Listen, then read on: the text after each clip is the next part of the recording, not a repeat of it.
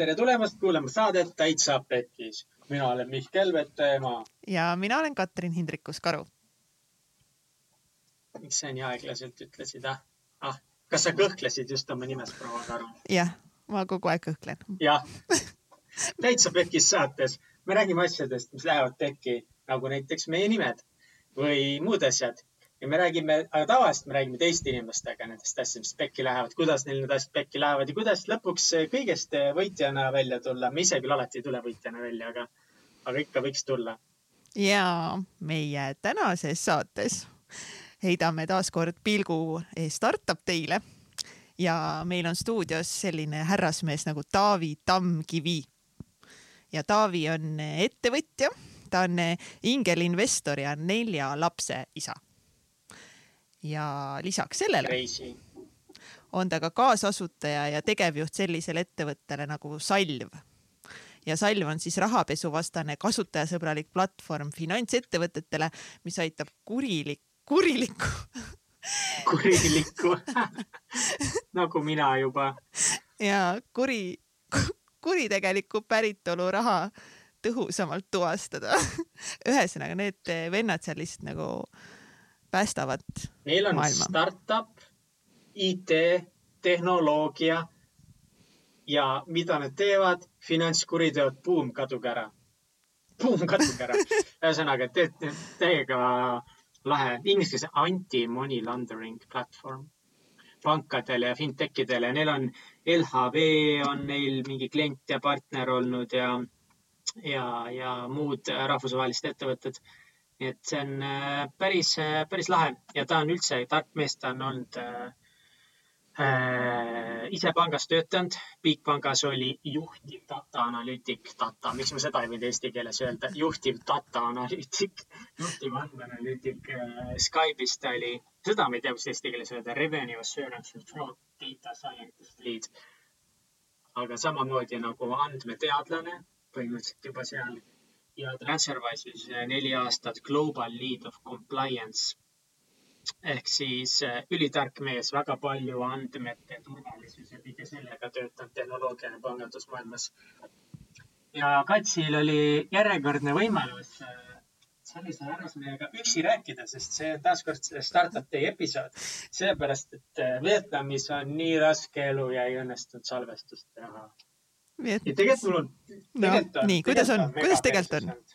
mis, mis sul, mis sul on? tööga on, ühesõnaga mul on nagu Binance'iga on perses äh,. Helmesega on nagu väga heas mõttes perses ja, ja täitsa pekis saatega on jumala perses, halvas mõttes perses. et mega struggle olnud on olnud viimased mingi kaks nädalat. on tööl, selles mõttes on hästi läinud, ma sain nüüd, ma olengi nüüd äh, ametlikult analüütik, ma enam ei ole juunior analüütik. ülikõva, see on ja... mega hea saavutus, Mihkel, nagu palju õnne, täiega välja teenitud. aitäh, ma olen jumala uhke. täiega, ma ka, see on nagu massive achievement lihtsalt. You go. kaks aastat tagasi, suhteliselt samal ajal, oligi aprill, see oli kaks aastat tagasi aprillis kui äh, ma olin nüüd mingit aitab mulle müügist äh,. Taxify'ga oli vaata perse läinud, me proovisime Fleetripi startup'i teha.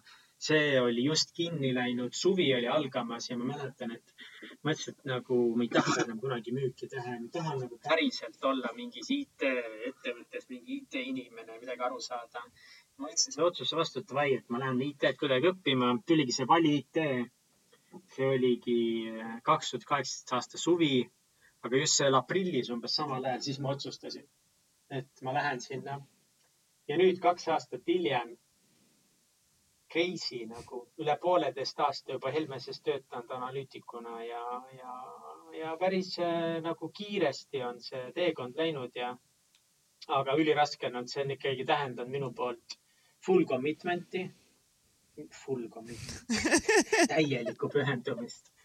Ja, ja ja see nii-öelda see ajuressurss, mida see mult sööb, on samas kõik muud asjad nagu suht keeruliseks teinud, eriti praegu nüüd, kui minu töökoormus on veel kasvanud ja ma hakkan ühte uut projekti võib-olla ise juhtima, siis see, samal ajal kõik mu muud asjad jäävad nagu muud kohustused jäävad ikka alles.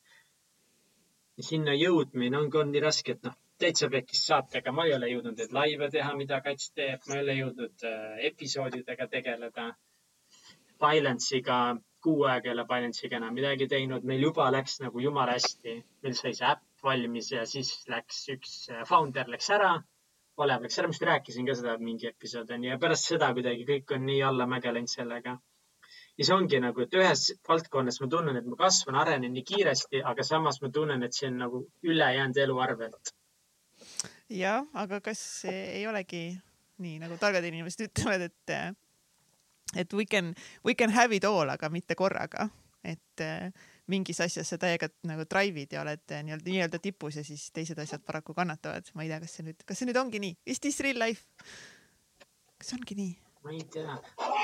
Aga nagu samas ma kogu aeg nagu kuskil ma tunnen, et ei, ei, et nagu tegelikult on võimalik, tegelikult ma suudan nagu kõiki neid asju korraga teha või vähemalt osasid nendest asjadest teha.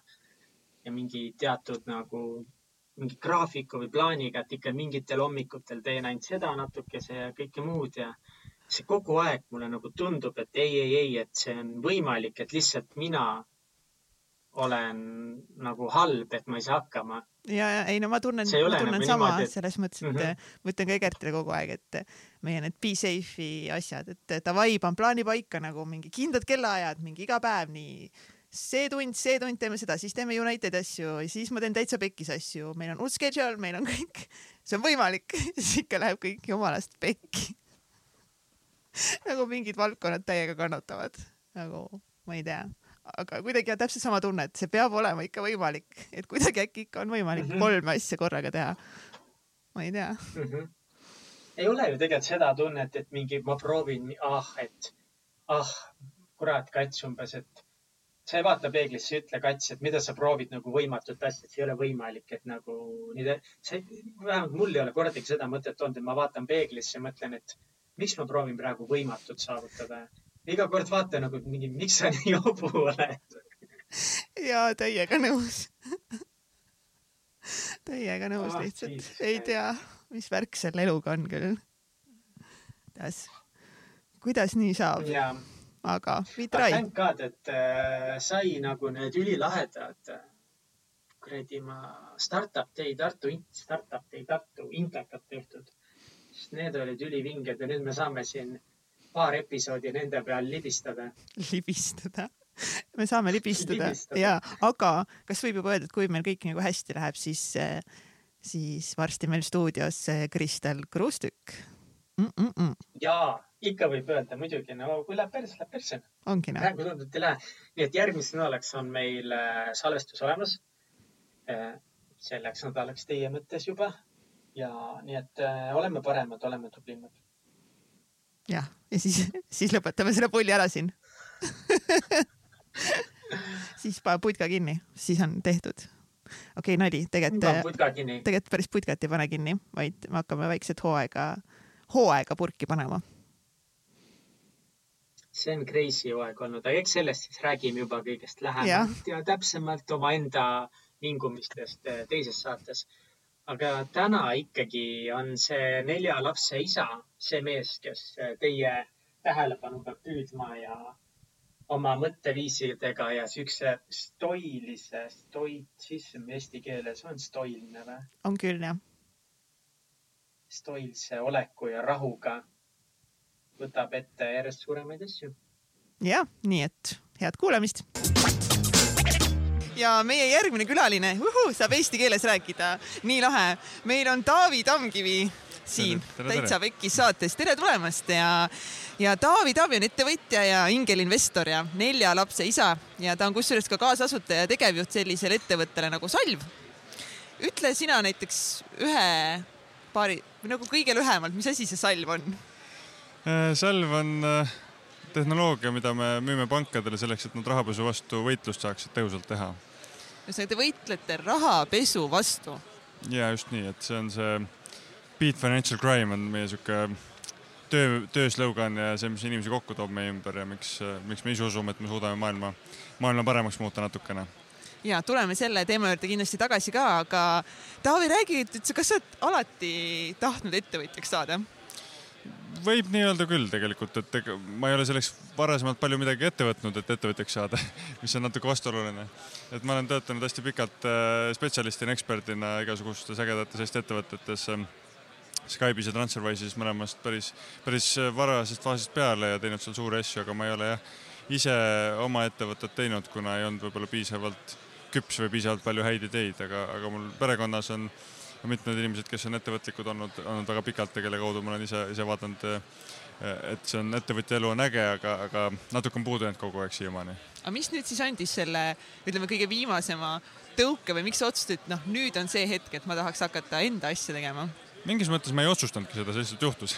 et, et ju siis oli, oli tähtede seis või asjaolud olid head, et et ma lihtsalt jah, kui ma Transferwise'is olin ka ikkagi spetsialistina tööl tootejuhina ja siis võtsin, neljas laps sündis, siis võtsin aasta aega vabaks olin kodune isa ja tegelesin hobidega ja vanade sõprade, endiste kolleegidega käisin kohtumas ja suhtlemas ja siis kuidagi see vajadus see kuritegeliku raha peatamiseks ja, ja pankade suur mure selles osas jõudis ise minuni, et inimesed, inimesed hakkasid mind appi kutsuma lihtsalt, et Taavi, et kuule, sul nagunii midagi muud teha pole, et tule aita natukene. ja, ja neid abivajajaid tegelikult oli rohkem kui üks või rohkem kui kaks ja, ja selle ümber hakkas see mudel, ärimudel kujunema, et alguses ma lihtsalt aitasin neid oma kahe käe ja peaga, siis ma võtsin inimesi appi, kes aitasid samamoodi sellise nõustamisteenusega. aga siis me vaatasime, et tegelikult see turg ja maailm on palju-palju suurem, et me ei jõua ise kõiki hädalisi aidata, et kirjutame parem tarkvara selle jaoks, et probleeme lahendada, nagu, nagu eestlastel kohane on ikka tavaliselt kaua te tegutsenud olete? me oleme poolteist aastat oleme nüüd toimetanud, oligi esimene sihuke pool aastat tegimegi nõustamist ja tõesti väga ägedate Eesti startup'ide ja suuremate pankade juures käisime nõu andmas ja Euroopas ka. aga siis umbes aasta tagasi, natuke rohkem kui aasta tagasi saime aru, et see selline coffee shop'i business, ta on küll äge hobi ja midagi toob sisse ka, aga see ei muuda nagu maailmaskaalal midagi paremaks. ja kui me hakkasime aru saama, vaatasime, lugesime erinevaid uuringuid ja raporteid, et kui suur, kui tõsine see rahapesu probleem on ja kui halvasti sellega hakkama saadakse maailmas, siis tekkis tunne, et okei okay,, et, et proovime siis, meil on piisavalt valdkonnateadmist, meil on piisavalt häid kontakte, inimesi, keda endale appi kutsuda. ja nüüd aasta aega oleme jah, seda tarkvara kirjutanud ja tooteks, tooteks ehitanud seda. kas selle aasta aja jooksul on teil eh, mingeid pekkiminekuid ka olnud?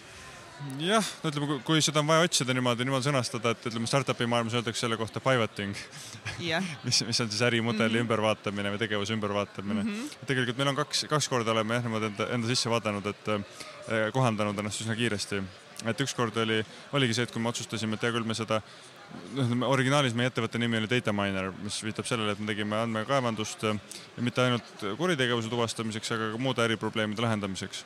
aitasime siis suurtel ja kasvavatel ettevõtetel nende keerulistest andmetest mingisugust selgust luua. kuna me oleme ise noh, matemaatikute ja andmeteadlastena töötanud päris pikalt. ja, ja siis ütleme ikkagi selle abitegevuse keskendumine rohkem sellise äh, isikutuvastuse, kuritegevuse ennetamise peale, aga see oli ikkagi nagu käsitöö ja, ja see ei olnud skaleeruv. ja see esimene pivot või esimene nii-öelda pekkiminek oligi siis, kui me otsustasime, et okei okay,, et, et kirjutame siis tarkvara, mida saaks skaleeruda üle maailma. ja, aga siis meil oli ka ambitsioon nagu laiem või valdkond oli laialivalguvam, siis me tegelikult tegelesime sellega, et ähm, hästi oluline teema on ka see maks ja pettused, ütleme, et kus inimeste krediitkaardi andmeid varastatakse, noh, sina või mina tooksime kogemata oma kaardinumbri valesti sisse kuskile või õigesti sisse valesse kohta. ja, ja mõned Nigeeria või Vietnami pätid saavad selle numbri kätte ja siis hakkavad ostma noh, mitte Amazonist, aga teistest veebipoodidest hakkavad ostma meie nimel kaupa ja meie äh, oleme mures, et kuhu meie kaardi pealt raha läks. et see on nagu hästi suur maailm, mida me ka lahendasime ja mida me oleme tegelikult teinud nii Skype'is kui Transferwise'is ja meil oli seda kogemust. ja siis see rahapesu oli see teine valdkond, mida me katsime aga mingi hetk me saime aru eh, möödunud kevadel, et tegelikult need kaks suurt asja ei mahu ikkagi hästi ühte tootesse. ja, ja need probleemid eh, fraudi või see maksepettuste maailmas tegelikult hakkavad vaikselt ära kaduma. Eh, kuna on noh, tänapäeval Eestis ka kasutame, eks ole, Apple Pay, Apple Pay payment meetodit, kus see, kus see raha varastamise oht on nii palju väiksem, et seal ei ole seda vastutegevust vaja tehagi aga me saime aru, et kui suur ja siis hakkasid tulema Eesti meediasse ka need suured uudised just eelmisel kevadel. Danske ja Swed ja Seeb ja kõik teised, me saime aru, et, et okei okay,, kui ka väga targad inimesed meie oma Eestimaal, kus, kes oskavad kirjutada tarkvara, oskavad ettevõtet juhtida, satuvad väga rumalasse olukorda, sellepärast et midagi on totaalselt valesti. ja siis me saime aru, et okei okay,, kui me keskendume ainult sellele rahapesule, mis iseenesest on hästi suur valdkond, siis see oli nagu selline teine pekkiminek, et kui me oleksime liiga palju jäänud kinni sellesse fraudimaailma, pettuste maailma, siis me oleksime läinud omadega kuskile kosmosesse ja me oleks suutnud tegelikult seda õiget asja teha. kui raskelt need otsused on tulnud võtta see uus suund? üllatavalt lihtsalt, et eh, see on üks õppetund, mis on ka võib-olla on see, et, et kui, kui minu ümber on inimesed, kes tegelikult on harjunud sellise hästi varajase faasi ettevõtlusega, siis nende jaoks äh, on, on selline katsetamine, proovimine, õppimine oma vigadest igapäevaselt selline igapäevase elu osa ja, ja noh, üksteist ähm, motiveeritakse ja togitakse selle nimel, et mis sa siis täna õppisid või mis sa eelmine nädal õppisid ja räägi meile ka ja, ja mida sa oled võimeline muutma. et see on nagu, see ei sõltu inimese vanusest, see sõltub just sellest töökogemusest, sellest kultuurist, kus ta varem on töötanud. et kui me oleksime kõik tulnud kuskilt äh, suurest pangast, siis me ei oleks kindlasti suutnud seda teha aga, aga nii seesama see Transferwise'i või Pipedrive'i või, või Skype'i kogemus, mis meil oli või siiamaani on, et see aitas tegelikult väga kiiresti otsustada, et noh, kui ei toimi, siis teeme midagi muud, et mis seal ikka, et teeme, et me teame, et me suudame inimestena ja kiiret eh, fookust parandades suudame nagu hästi edasi liikuda. kas see see ettevõtja elu, mis sa ette kujutasid, kas see on osutunud selliseks või on see hoopis midagi muud, mis sa enda vaimusilmas ette nägid enne siis enda startup'iga alustamist?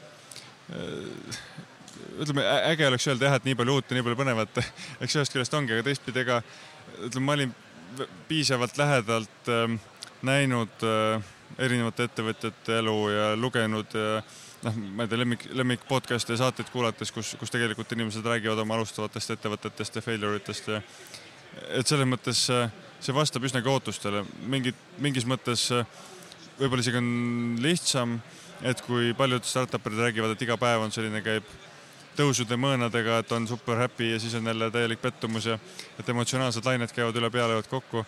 et loomulikult meil on ka sellist äh, nuputamist ja küsimist, et kas ikka on õige asi, mis me teeme, kas me läheme õigesti edasi aga ei ole siukseid tohutuid draamasid või nagu tegelikult sisemist stabiilsust on rohkem. see on võib-olla ka üks huvitav asi, mis, mida me tegelikult ettevõtet asutades panin enda jaoks paika, et, et me ei taha rabeleda niimoodi kakskümmend neli seitse, et nagu selline klassikaline startup'i dogma on see, et sa pead hirmsasti tööd lõhkuma teha oh,. Ehm, mis just nagu noored, kes tulevad ülikoolist välja, kes ehm, võib-olla kogemust on vähem, aga kellel ambitsioonikust ja pealehakkamist on hästi palju rohkem, teevadki seda noh, ma ise mõtlen nelja lapse isana talus, talus elades eh, ei olnud seda tunnet, et ma saaks ja tahaks panna nagu kogu vaba või noh, kogu aja töö tegemise alla. Eh, ja samamoodi need inimesed, kes minu ümber koondusid, nad hindasid ka seda, nad on elus teinud väga palju ägedaid asju, pingutanud tohutult. Nende kogemus ja kompetents on nii suur, et kui ma ka kaks päeva nädalas saan selle inimest enda, enda, endale appi kutsuda, siis see on minu ettevõtte jaoks hästi suur võit.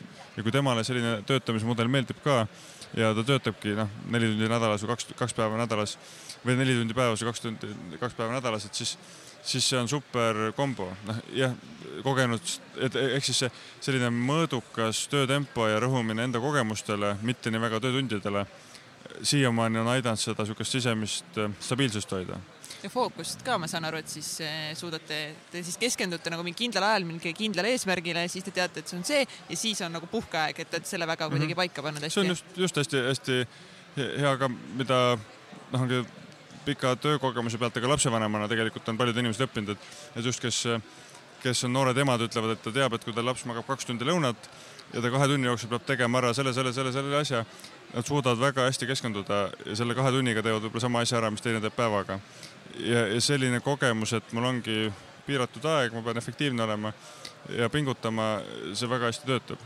loomulikult full disclosure on kogenud startup'erid, ma kujutan ette juba nägusid, kes ütlevad, et targuta, targuta, et sellise, sellise laisklemisega kuskile ei jõua.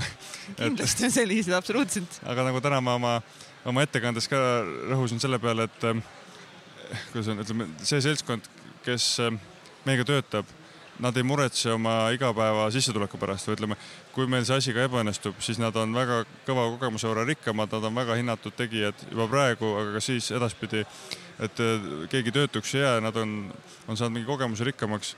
teistpidi on see, et need asjad, tehnoloogiad, mida me ehitame, see on küll äge ja ümberringi see on hirmus, hirmus fännamine käib, mida ma ise ka väga hindan. aga teistpidi veel kord, et kui me vaatame oma elu tervise peale, äh, abikaasad, äh, elukaaslased, lapsed, koerad, kodud et, et ka ütleme selle aja peale, kui need ettevõtted, mida me ehitame, neid enam ei ole, noh, kas nad on ebaõnnestunud õnnestunud, kahekümne, kolmekümne, neljakümne aasta pärast meil ei ole neid, aga need inimesed, kes mu ümber on, need võiks ikka olemas olla. et, et nendega suhete hoidmine, see kodus stabiilsuse hoidmine, ma tean, võib-olla see kõlab siukse vanainimese jutuna juba aga tegelikult see annab nagu nii palju kindlust, et, et nüüd elus on ka muud prioriteedid paigas. et ma tean, ma olen olnud tudeng, ma lõhkusin tudengina igasugu ägedaid asju teha, et kus mul need väärtushinnangud olid teised, aga nüüd ma näen, et, et sellise pereisana ja, ja kogukonna liikmena ma tegelikult noh, ma hindan seda, kui ma keset tööpäeva saan minna näiteks lastele kooli rääkima matemaatika rakendamisest elus, et miks matemaatikat päriselt on vaja ja mis võib-olla süstib järgmisele lennule kuuenda või seitsmenda klassi lastele eh, arusaamist, et nendel päriselt on mõtet õppida seda tüütut igavat asja, mis, mis muidu võib-olla nüri. Eh, et ma saan rääkida, eh, ma ei tea Eesti lasterikaste isade teemadel, et, et julgustada näiteid tuua, et, et see ei ole see, et kui sul on palju lapsi, et siis sa oled kuskil eluheidik ja pead nagu toetust küsimas käima, vaid saad täiesti normaalselt edukat tööd teha, kui sul on suur pere. ja muud sellised väärtused, mis, mis tegelikult on mulle olulised, mida saan teistega jagada. et ma hindan seda, kui mul noh, ütleme see töö tegemine ei võta kogu seda vaba muud aega ära. kas just isaks saamine isaks olemine muutis sinu, sinu väärtushinnanguid ja sa hakkasid siis nagu maailma kuidagi teise nurga alt nägema? kindlasti, aga mitte ainult see, ma ütlen, see on, kuna ma elan oma perega esivanemate talus ja sihuke talu, ma loomulikult ei ole mingi loomakasvataja, põlluhari, aga ikkagi see talumehe, taluperemehe mentaliteet kuidagi nagu tuleb igatpidi külge.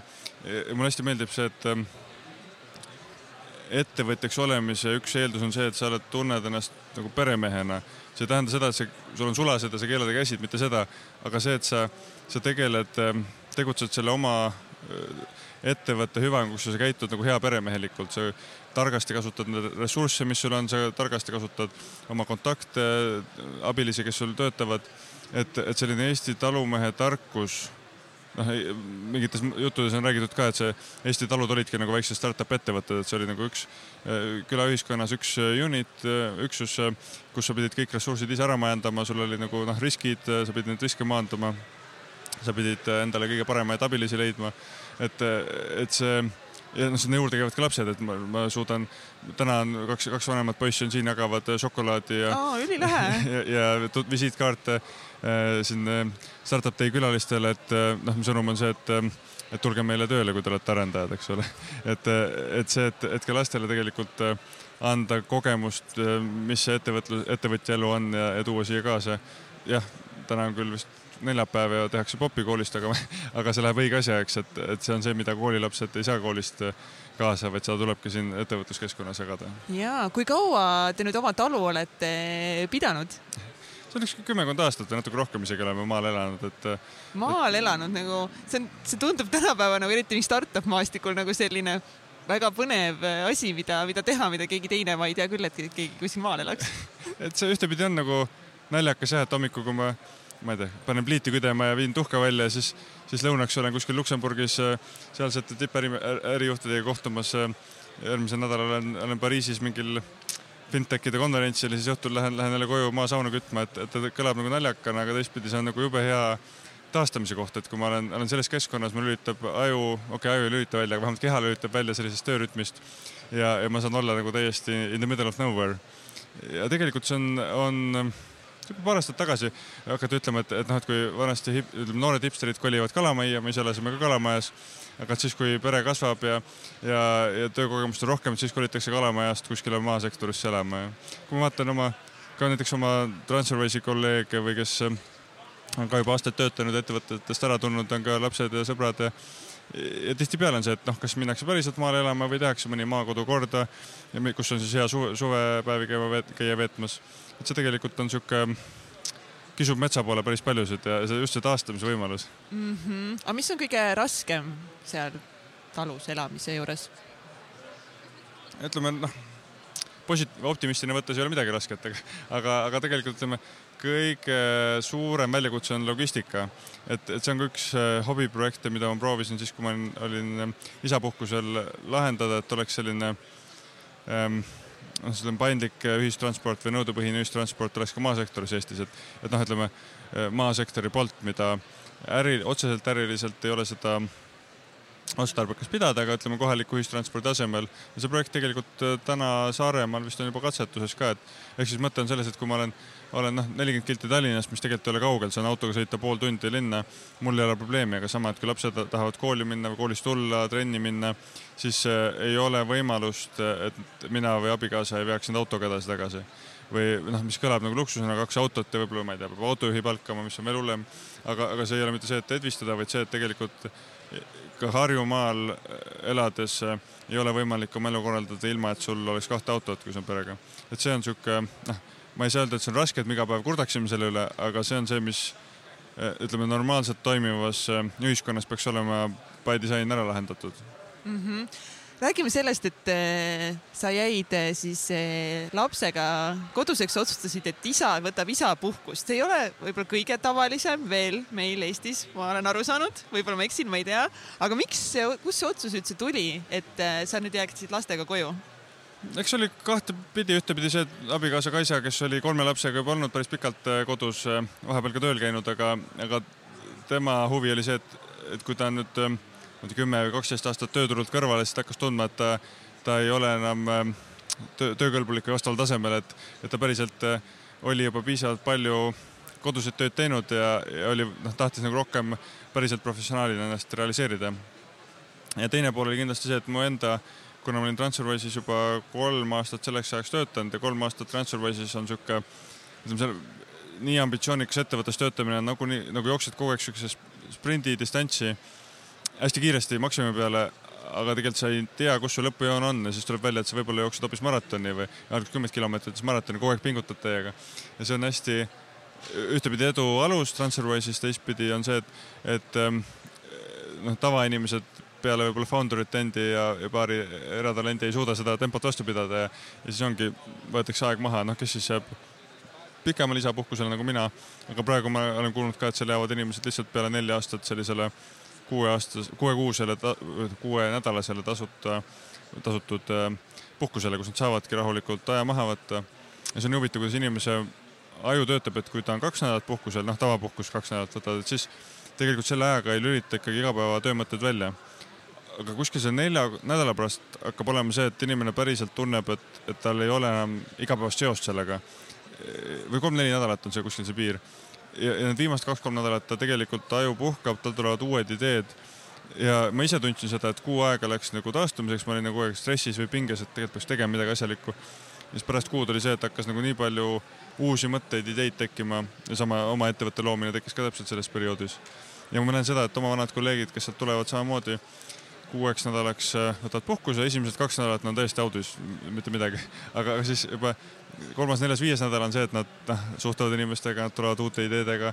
enamus, paljud neist, kes alustavad oma startup'e, et see on selline võib-olla üks soovitus ka, et kellel iganes sellise kiiretes töökohtades võtke noh, mitte kaks nädalat, võtke kuu aega, aega maha ja, ja see on nagu taastumine on nii palju kvaliteetselt mitte kaks korda parem, aga kümme korda parem võib-olla see taastumisprotsess. aga kui sa nüüd koju eh, jäid eh, lastega kas, no kindlasti sul oli mingi ettekujutus, milline see hakkab nagu olema, onju, ja mida üldse üks eh, kodune ema või siis isa teeb, aga mis see nagu reaalsus oli, kui sa siis jäid siis nelja lapsega koju, ma saan aru või? no ütleme, kaks käis juba koolis tol ajal, üks käis lasteaias ja üks kõige väiksem tütar oli siis vist kolmekuune, kui ma jäin koduseks, et äh,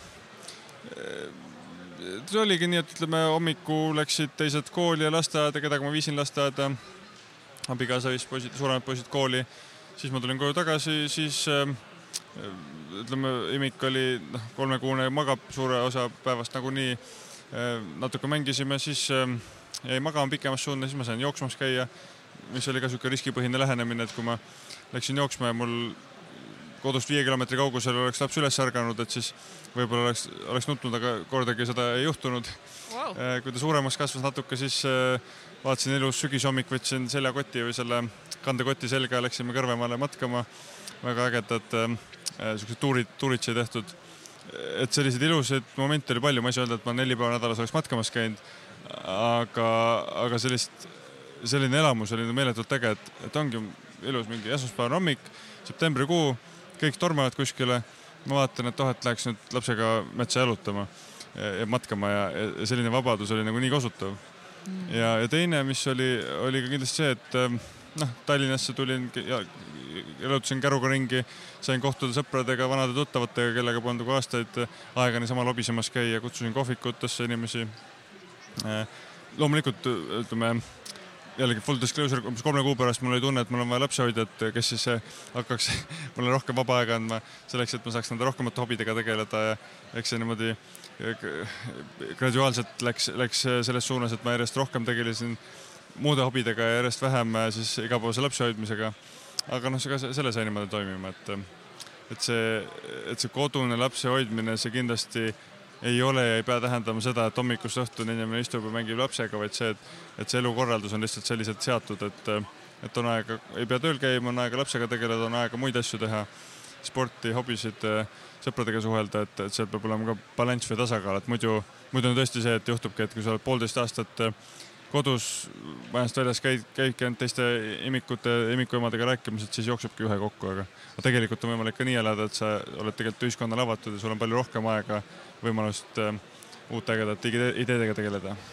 ja sest noh, eks kindlasti noh, praegu muidugi jääb selline mulje nagu nelja lapsega on nagu lust ja lillepidu ainult koos olla ja saab uute hobidega hakata tegelema, aga tegelikult reaalsus on ju ikkagist ka see, et nagu isaks olemine on väga raske töö. või sa ei arva niimoodi üldse? ma ei, tegelikult, kuidas ma ütlen, et, et loomulikult, kui mul ei ole kellegi eest vastutada, siis see kõlab niimoodi sellise lust ja lillepeona, aga tegelikult, et see on niisugune elus mingi rolli võtmine, noh, et samamoodi nagu abikaasana või, või peremehena või ettevõtjana, startup'i juhina.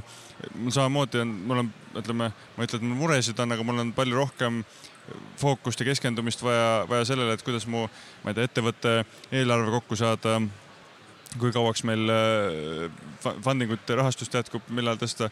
see, et, et lastega kodus natukene matemaatikat õppida või, või siiasamma konverentsile kaasa tuua ja motiveerida neid šokolaadi jagama. et, et see on, on tegelikult puhas lust ja, ja lillepedu. et loomulikult on, ma ei tea, meie kliimas neid haiguste perioode pikkasid ja noh, tuleb ma olen jätnud ära mingit, ma ei tea, Las Vegase konverentsi sellepärast, et äh, kellelgi hakkas pimesool lõhkes parasjagu ja, ja, ja muud sellist Äh, on ka kõvasti tagasilööke, aga, aga kokkuvõttes üldfoon on positiivne. täna ja, ja mida aeg edasi, seda positiivsemaks see läheb, et, et kui ma näen, et, et mingid hobid, millega ma vahepeal ei jõudnud tegeleda, sellepärast et oli kibekiire tööaeg. nagu näiteks mingid hobid? no samad, orienteerumine näiteks, ma lapsest saati olen orienteerumas käinud äh, Tallinna neljapäevakutel ja mujal. jällegi sihuke hea viis, kuidas mõte välja lülitada aga kui lapsed olid väga väiksed ja kui ma Skype'is, Skype'is Transferwise'is töötasin väga intensiivselt, siis ma lihtsalt ei jõudnud õhtuti. aga nüüd on see, et juba algkooli, algkoolipoisid, põhikoolipoisid käivad ise orienteerumistrennis ja nemad sikutavad mind, et kuule, lähme nüüd metsa jooksma või lähme linna orienteeruma, ehk siis nagu mingid ühised hobid või ma ei tea, järgmine kahe nädala pärast lähme Alpidesse suusatama. jällegi, et ma, ma tegelikult varem kunagi Alpidesse pole ise jõudnud, noh, Skandinaavia mägedes olen käinud aga jällegi see ettekäänne oli see, et lastele kangesti meeldib mäesuusatamine ja küll võtame selle aja ja broneerime reisi ja lähme, eks ole. ja ma ise täiega naudin seda, et ma saan minna, et mind võetakse kaasa. et, et selliseid ägedaid ühiseid hobisid tekib järjest rohkem. Neile tuleb avatud olla. noh, kes käib, ma ütlen, ujumas, kes käib reisimas, matkamas, rattamatkad samamoodi ka sellesama väikse aastase lapse saab panna ratta sinna käru taha raami peale istuma turvatooli ja ma ei tea, poistega tegin vanemate poistega, ma ei tea, kolmepäevase rattamatka mööda Eestimaad ringi.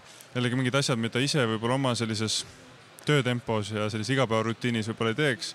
aga laste pärast on, neil on huvi ja see on nagu hea ettekäänne ja põhjendus, et, et jube kihvt on, kui siukseid äh, life hack'e tekib nagu juurde see on võib-olla hästi palju nii-öelda sinu enda nagu mindset'i küsimus ka, et, et milliseks sa tahad, et sinu nagu isaks olemine kujuneb, et osad võib-olla loovadki endale kujutluspildi, et see on kõik on raske, ma pean loobuma, ongi oma karjäärist, tööst ja keskenduma lastele versus siis sinu vaateväli, et see on fun, see on tore, ma saan teha hoopis midagi muud koos lastega, kõik, et kindlasti on siis see mõte maailmas kinni. just, see ongi see, mida me, seesama see lasterikaste isade kogukond, keda meil on noh, ütleme viissada isa, kes on, kellel on rohkem, neli või rohkem last.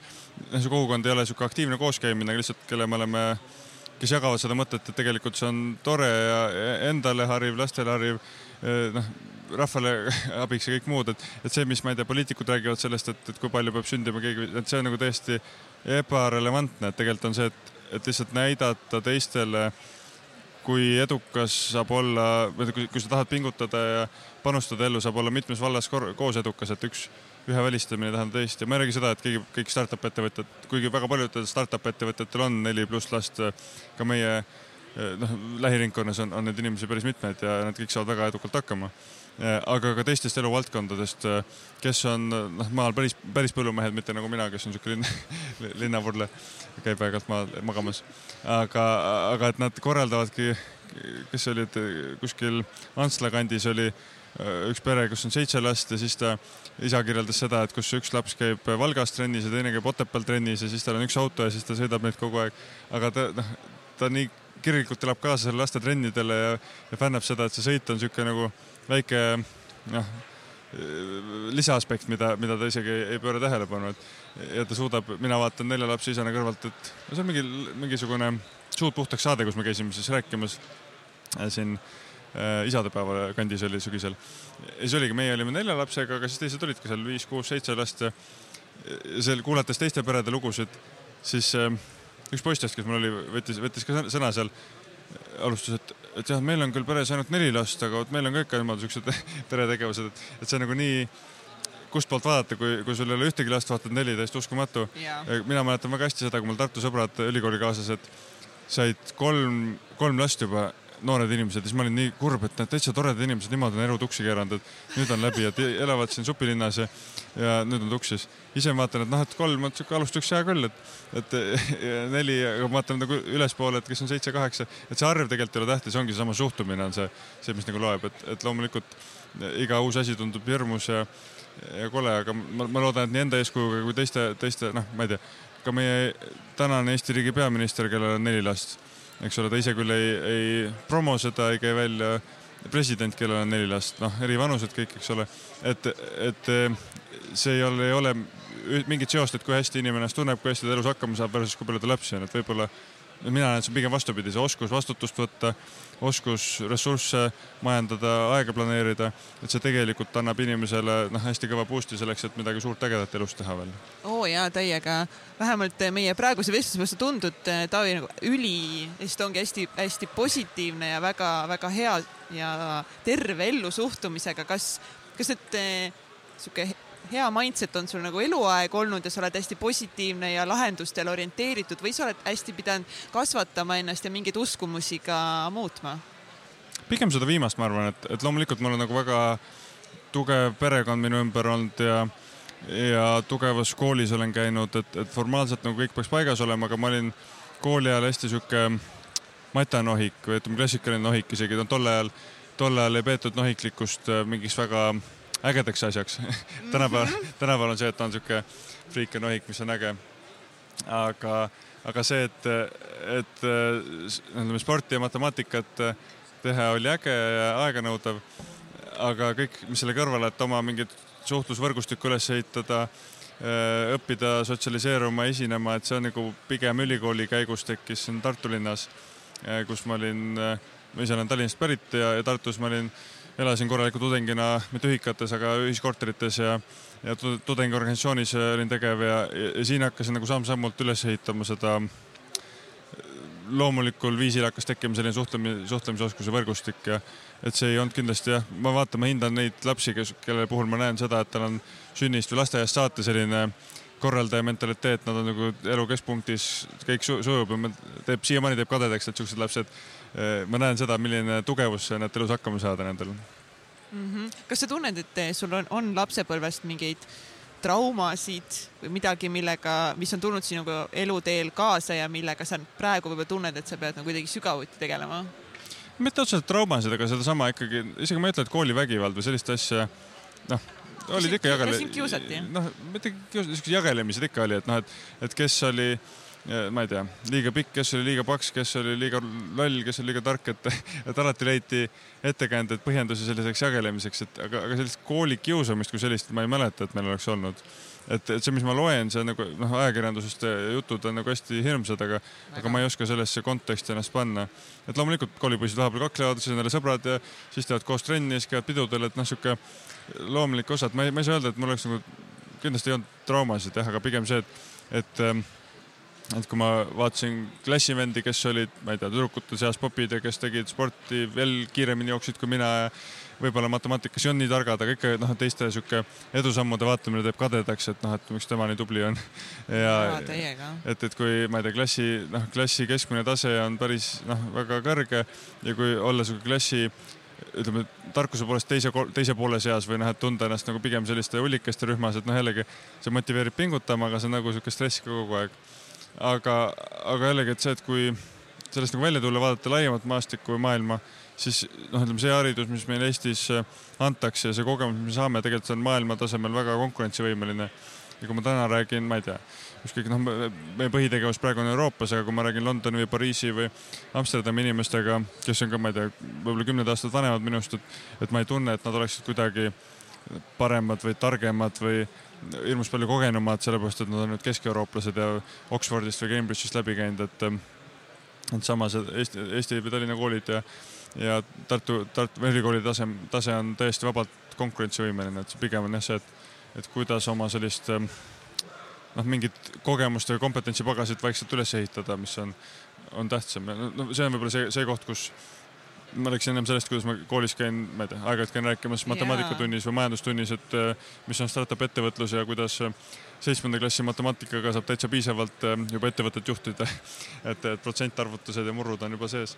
et ehk siis nagu meie koolisüsteemi annab küll akadeemilist teadmist, aga ei anna sellist suhtlemisoskust, esinemist, psühholoogiat et miks meil on nii vähe müügiinimesi, me noh, me ehitame väga head tehnoloogiat, aga me ei suuda hästi müüa, see on ka meie probleem.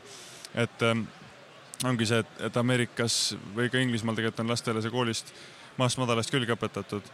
et noh, need on need oskused, millest ma noh, kui ma tagasi vaatan, ma siis ei osanud puudust tunda, aga tegelikult ma praegu tunnen, et mul ei olnud seda, seda tausta mm. -hmm. aga mis on sul praegu, kas sa, kas sul on mingeid hirme või kas sa kardad midagi tuleviku suhtes või üleüldse praegu elus?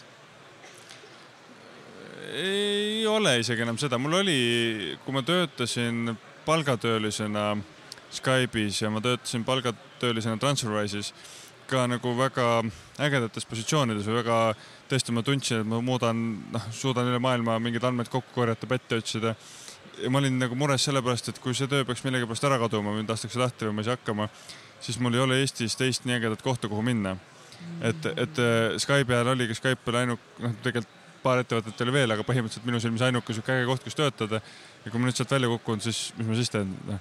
ja Transferwise'is samamoodi, et Transferwise oli noh, siiamaani on väga äge eh, startup ettevõtte eh, unistuste töökoht, kus töötada ja siis, et pidevalt värin selles, et kui ma nüüd fail in, et siis on päris jama. aga nüüd nagu oma ettevõtet tehes ma tean, et see fail imise risk on alati sees, üheksakümmend protsenti startup idest läheb nagunii pankrotti. ma loodan, meie puhul see protsent on väiksem, kuna me oleme noh, natuke kogenumad eksperdid, võrgustikud. et see on äh, matemaatikuna või tõenäosus, tõenäosusteoreetikuna, see on minu jaoks nagu sisse arvestatud risk, et, et jah, me võime ebaõnnestuda. noh, me anname endast parima, et seda ei juhtuks. või noh, me ütleme, me ei tegutse selle nimel, et mitte, mitte ebaõnnestuda, eks ole, vaid me tegutseme selle nimel, et mingit head asja valmis ehitada. Aga kui see peaks juhtuma, et siis see see ei sega ei mind ega teisi asutajaid või töötajaid, et me oleme noh, piisavalt äh, kompetentsed oma valdkonnas. et selles mõttes ei ole muret, noh, loomulikult laste pärast on mure, kas nad kooli jõuavad, kuidas õppimine on, kui palju ma suudan neid aidata, äh, üldine pere, kuidas mul õnnestub koos hoida, et noh, sellised igapäevased, äh, jällegi ma ei ütle, et need on mured või need pigem tuleb hoida nagu noh, rõõmsana või no, tagaplaanil. igapäevaelu väljakutsed, millega me kõik tegelikult kokku puutume ja siis ongi lihtsalt suhtumise küsimus, et kas me võtangi neid raskete pekkiminekutena või see on lihtsalt mingi another thing, mis on nagu vaja ületada ja õppida ja edasi liikuda, onju. just, et ma näiteks noh, ma ei tea, eile, eile õhtul tulin Pariisist äh, äh, läbi Helsingi tulin Tartusse otse lennukiga ja siis äh, Pariisi lennujaamas eriti oli, oli neid äh,, mitte küll palju inimesi, aga olid maskidega selle uue koroonaviiruse pärast, kes olid hirmus ja ja siis ma mõtlesin ka, et kui palju ma tegelikult peaksin selle pärast muretsema, et samal ajal uudistest lugesin, et prantslased saatsid just kaks tšarterlennukit eh, Hiina endale. ütleme, üks lennuk toob prantslasi tagasi, teine lennuk toob siis eh, muid eurooplasi tagasi Euroopasse siis mõtlesin ka, et noh, et, et see maailm on nagu nii tihedas võrgustikus, et seesama lennuk vabalt samal ajal võib olla, olla, inimesed olla maha seal Pariisi lennujaamas. et, et okei okay,, ma peaks panema siis selle maski ette arutasime ka, aga noh, siis ma jällegi siukse tõenäosusteoreetikuna proovisin neid riske hinnata, et noh, mis on päriselt see tõenäosus, et noh, see, et kui Hiinas on sada viiskümmend või sada seitsekümmend inimest ära surnud, mis on kindlasti kurb, aga kui vaadata, kui palju samal ajal grippi sureb, mingi A-hepatiiti sureb inimesi, noh, see on nagu teine skaala, loomulikult see on nagu uus viirus ja ohtlik, aga ma otsustasin, ma ei jõua iga asja pärast muretseda, et, et noh, pigem jah, ma ei lähe kellegagi võõra inimesega, kes aevastab juttu rääkima ma hoian võib-olla mõõdukast distantsi, aga ma ei saa nagu üle muretseda selliste asjade pärast.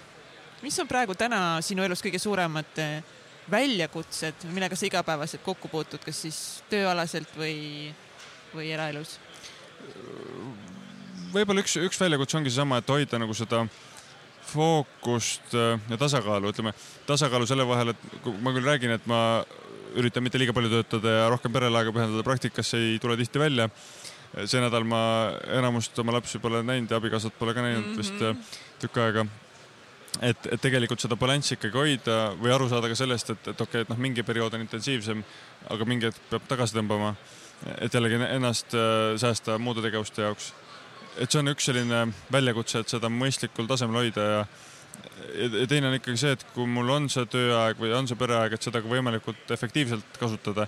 et kui mul on, ma tean, mul on täna viis tundi kontoris või ma ei tea, ma, ma olen siin, siin konverentsil, et, et kas see on aja raiskamine või ma tegelikult teen midagi kasulikku selle jaoks, et mul see missioon mul õnnestuks. et mul loomulikult väga tore on vanade sõprade, kolleegide, uute inimestega rääkida, aga kas see päriselt aitab mind edasi selleni, et mul esimesed ägedad müügitehingud siit tuleks. et noh, mitte ma ei tulnud siia müüma, aga ma kogu aeg mõte käib, et, et okei okay,, kas minu tund aega või pool tundi siin lobisemist on see, mis aitab mind edasi mm? -hmm. täiega ja ma usun, et see aitab sind edasi, aga vähemalt see kindlasti loob tohutut väärtust meie, meie kuulajatele, kes saavad olla oma elus julgemad tänu sellele, et sa täna siin, siin oled, et ja et oma unistusi täita. ja alati meil siis podcast'i lõpus, noh, tavaliselt meil on muidugi kahetunnised saated, aga meil on alati välkküsimused, mis me siis kõigi käest küsime. nii et eh, küsime ka sinu käest. Eh, Taavi, kas sul on mingi kindlaid eh, harjumusi või rutiine, mida sa teed iganädalaselt või igapäevaselt? Üks on näiteks see, et iga hommiku ma üritan lõuatõmbeid teha. teine on see, et tahaks ikka kord nädalas saunas käia ka, et sihuke. ja jah, ütleme üks, üks lemmik, lemmikharrastus on ka see, et hommikuti kohvikus, kuna lapsed alustavad kooli kell kaheksa ja kell kaheksa inim, tavaliselt inimesed tööpäeva ei alusta nii vara startup ides, siis mul on väga mõnus rahulik aeg istuda mingis ägedas, siukses tõesti, tõesti ägedas kohvikus, kus ma klõbistan arvutiga, seal on mõnus kohviku taustamüra ja ma saan keskenduda rahulikult eh, noh, arvutitele, emailidele, töömõtetele. et see on niisugune väga mõnus rutiin, mis on tekkinud viimase paari aastaga mul. milles sa väga hea ei ole?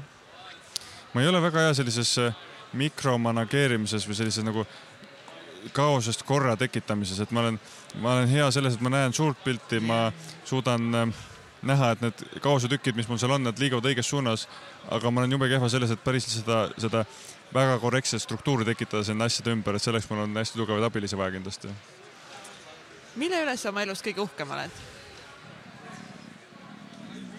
võib-olla, võib-olla selle, selle üle ei olegi ühte konkreetset asja, aga et ma olen nagu jõudnud sinna kohta või siia kohta, kus ma olen nagu igas dimensioonis hästi rahul endaga ja inimesed, kes mu ümber on, tunduvad ka rahul olevat, et, et see mõistlik tasakaal, töö, pere, kodu, sõbrad. okei okay,, sõpradega praegu võiks, võiks, võiks ja saaks, tahaks nagu rohkem aega veeta, aga, aga et see mõistlik tasakaal on see, mis tekitab niisuguse hea rahutunde.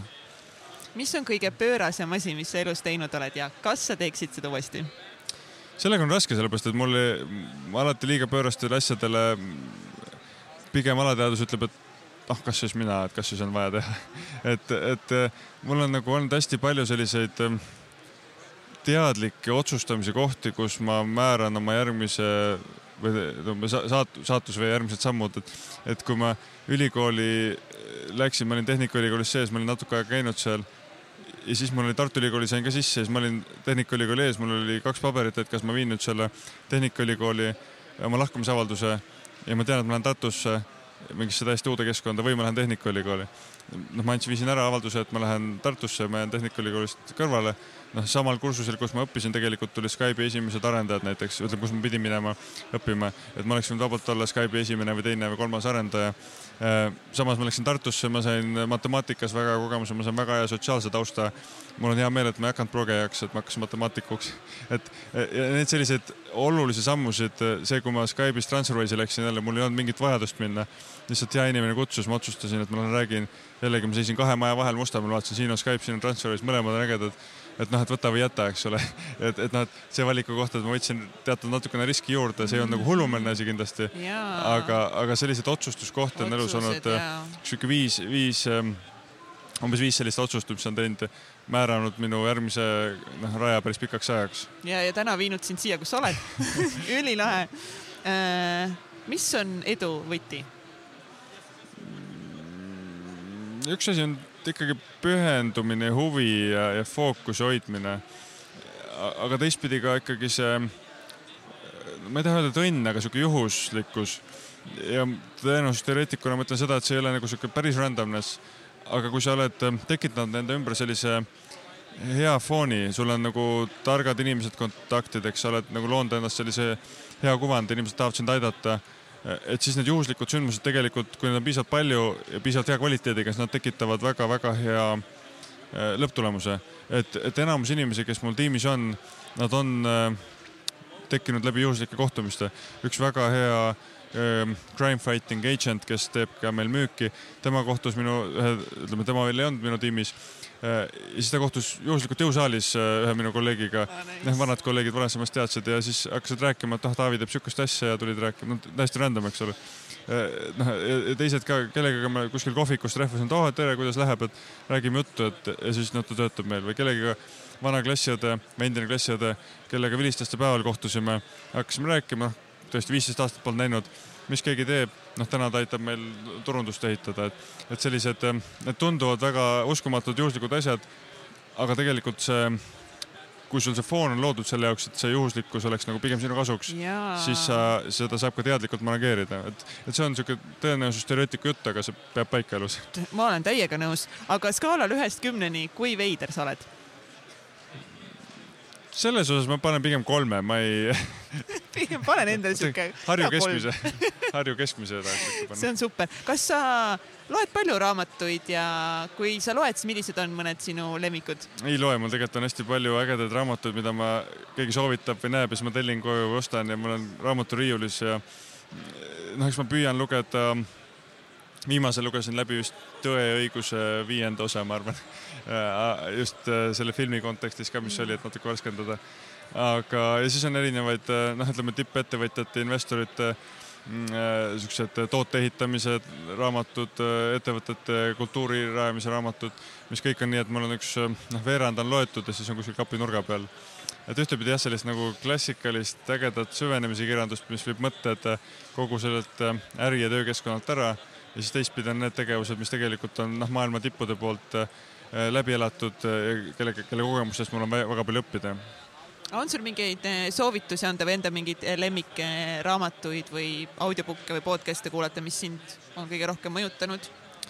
tegelikult podcast'e ma kuulan päris palju autoroolis olles, et et siitsamast Eestist tegelikult see Restardi saade, mida ma, mida ma fännan ja kus, mis on hästi palju mind sütitanud just uute ideedega ja julgustanud kaasa. aga, aga väljapoolt noh, sihuke hea emotsionaalne kaasaelamine on TechCrunchi inimesed teevad Equity nimelist podcast'i, mis siis okay. käib just selles startup'i mullis sees olles. noh, ma tunnen seda, me oleme kuskil noh naljaga poolest kuskil Ida-Euroopas, eks ole, tegelikult, tegelikult Eesti on selle startup'i mõttes ikka üks maailma, ma arvan, top kolmest või neljast asukohast aga, aga see, et kui mingid Silicon Valley äh, mõtted ja lähenemised, äh, mis seal nagu arutatakse, et ma, ma saan ennast palju paremini ka siin Euroopas äh, kehtestada või määratleda. ja ütleme kõikvõimalikud, noh, ka sama see Andrei Zonorovitši fond, nendel on oma podcast, mis on hästi-hästi hariv ja läheb nagu süvitsi mingisuguste sisuliste teemadega, et Eestis noh, geeniuse need ähm, autotund ja, ja digitund ja mis, mis need kõik on, et see on selline kerge, mõnus kuulamine, mis vabastab mõtted sellisest igapäevatööst jällegi. super, aitäh sulle selle aja eest, väga hindan seda, et sa võtsid selle aja ja, ja jagasid meiega enda, enda elu enda, enda kogemusi, aga kus meie kuulajad saavad sinu tegemistel silma peal hoida? läbi meedia, õnneks, õnneks või kahjuks Eestis, eriti Eestis on olukord see, et kus rahapesu ja kogu selle vastu, vastu võitlemine on nagu hästi kuum teema ja ja nii kui me midagi meediasse omalt poolt ähm, lekitame levitame, siis korjatakse see üles. viimane mõtteavaldus oli just paar päeva tagasi Ekspressi veebiväljaandes tuli, et eks me ikkagi levitame, aga, aga Twitter ja Facebook ja muud sellised ähm, sotsiaalkanalid samamoodi, eks ma neid kasutan ka jõudumööda. jah, minge kõik follow ge ja, ja likeige ja kommenteerige kindlasti Taavit. Loodan, et saite siit tänasest jälle toredat head inspiratsiooni ja julgust eh, siis läbi enda pekki minekute jõuda oma unistusteni, nii et eh, aitäh, Taavi! aitäh kutsumast!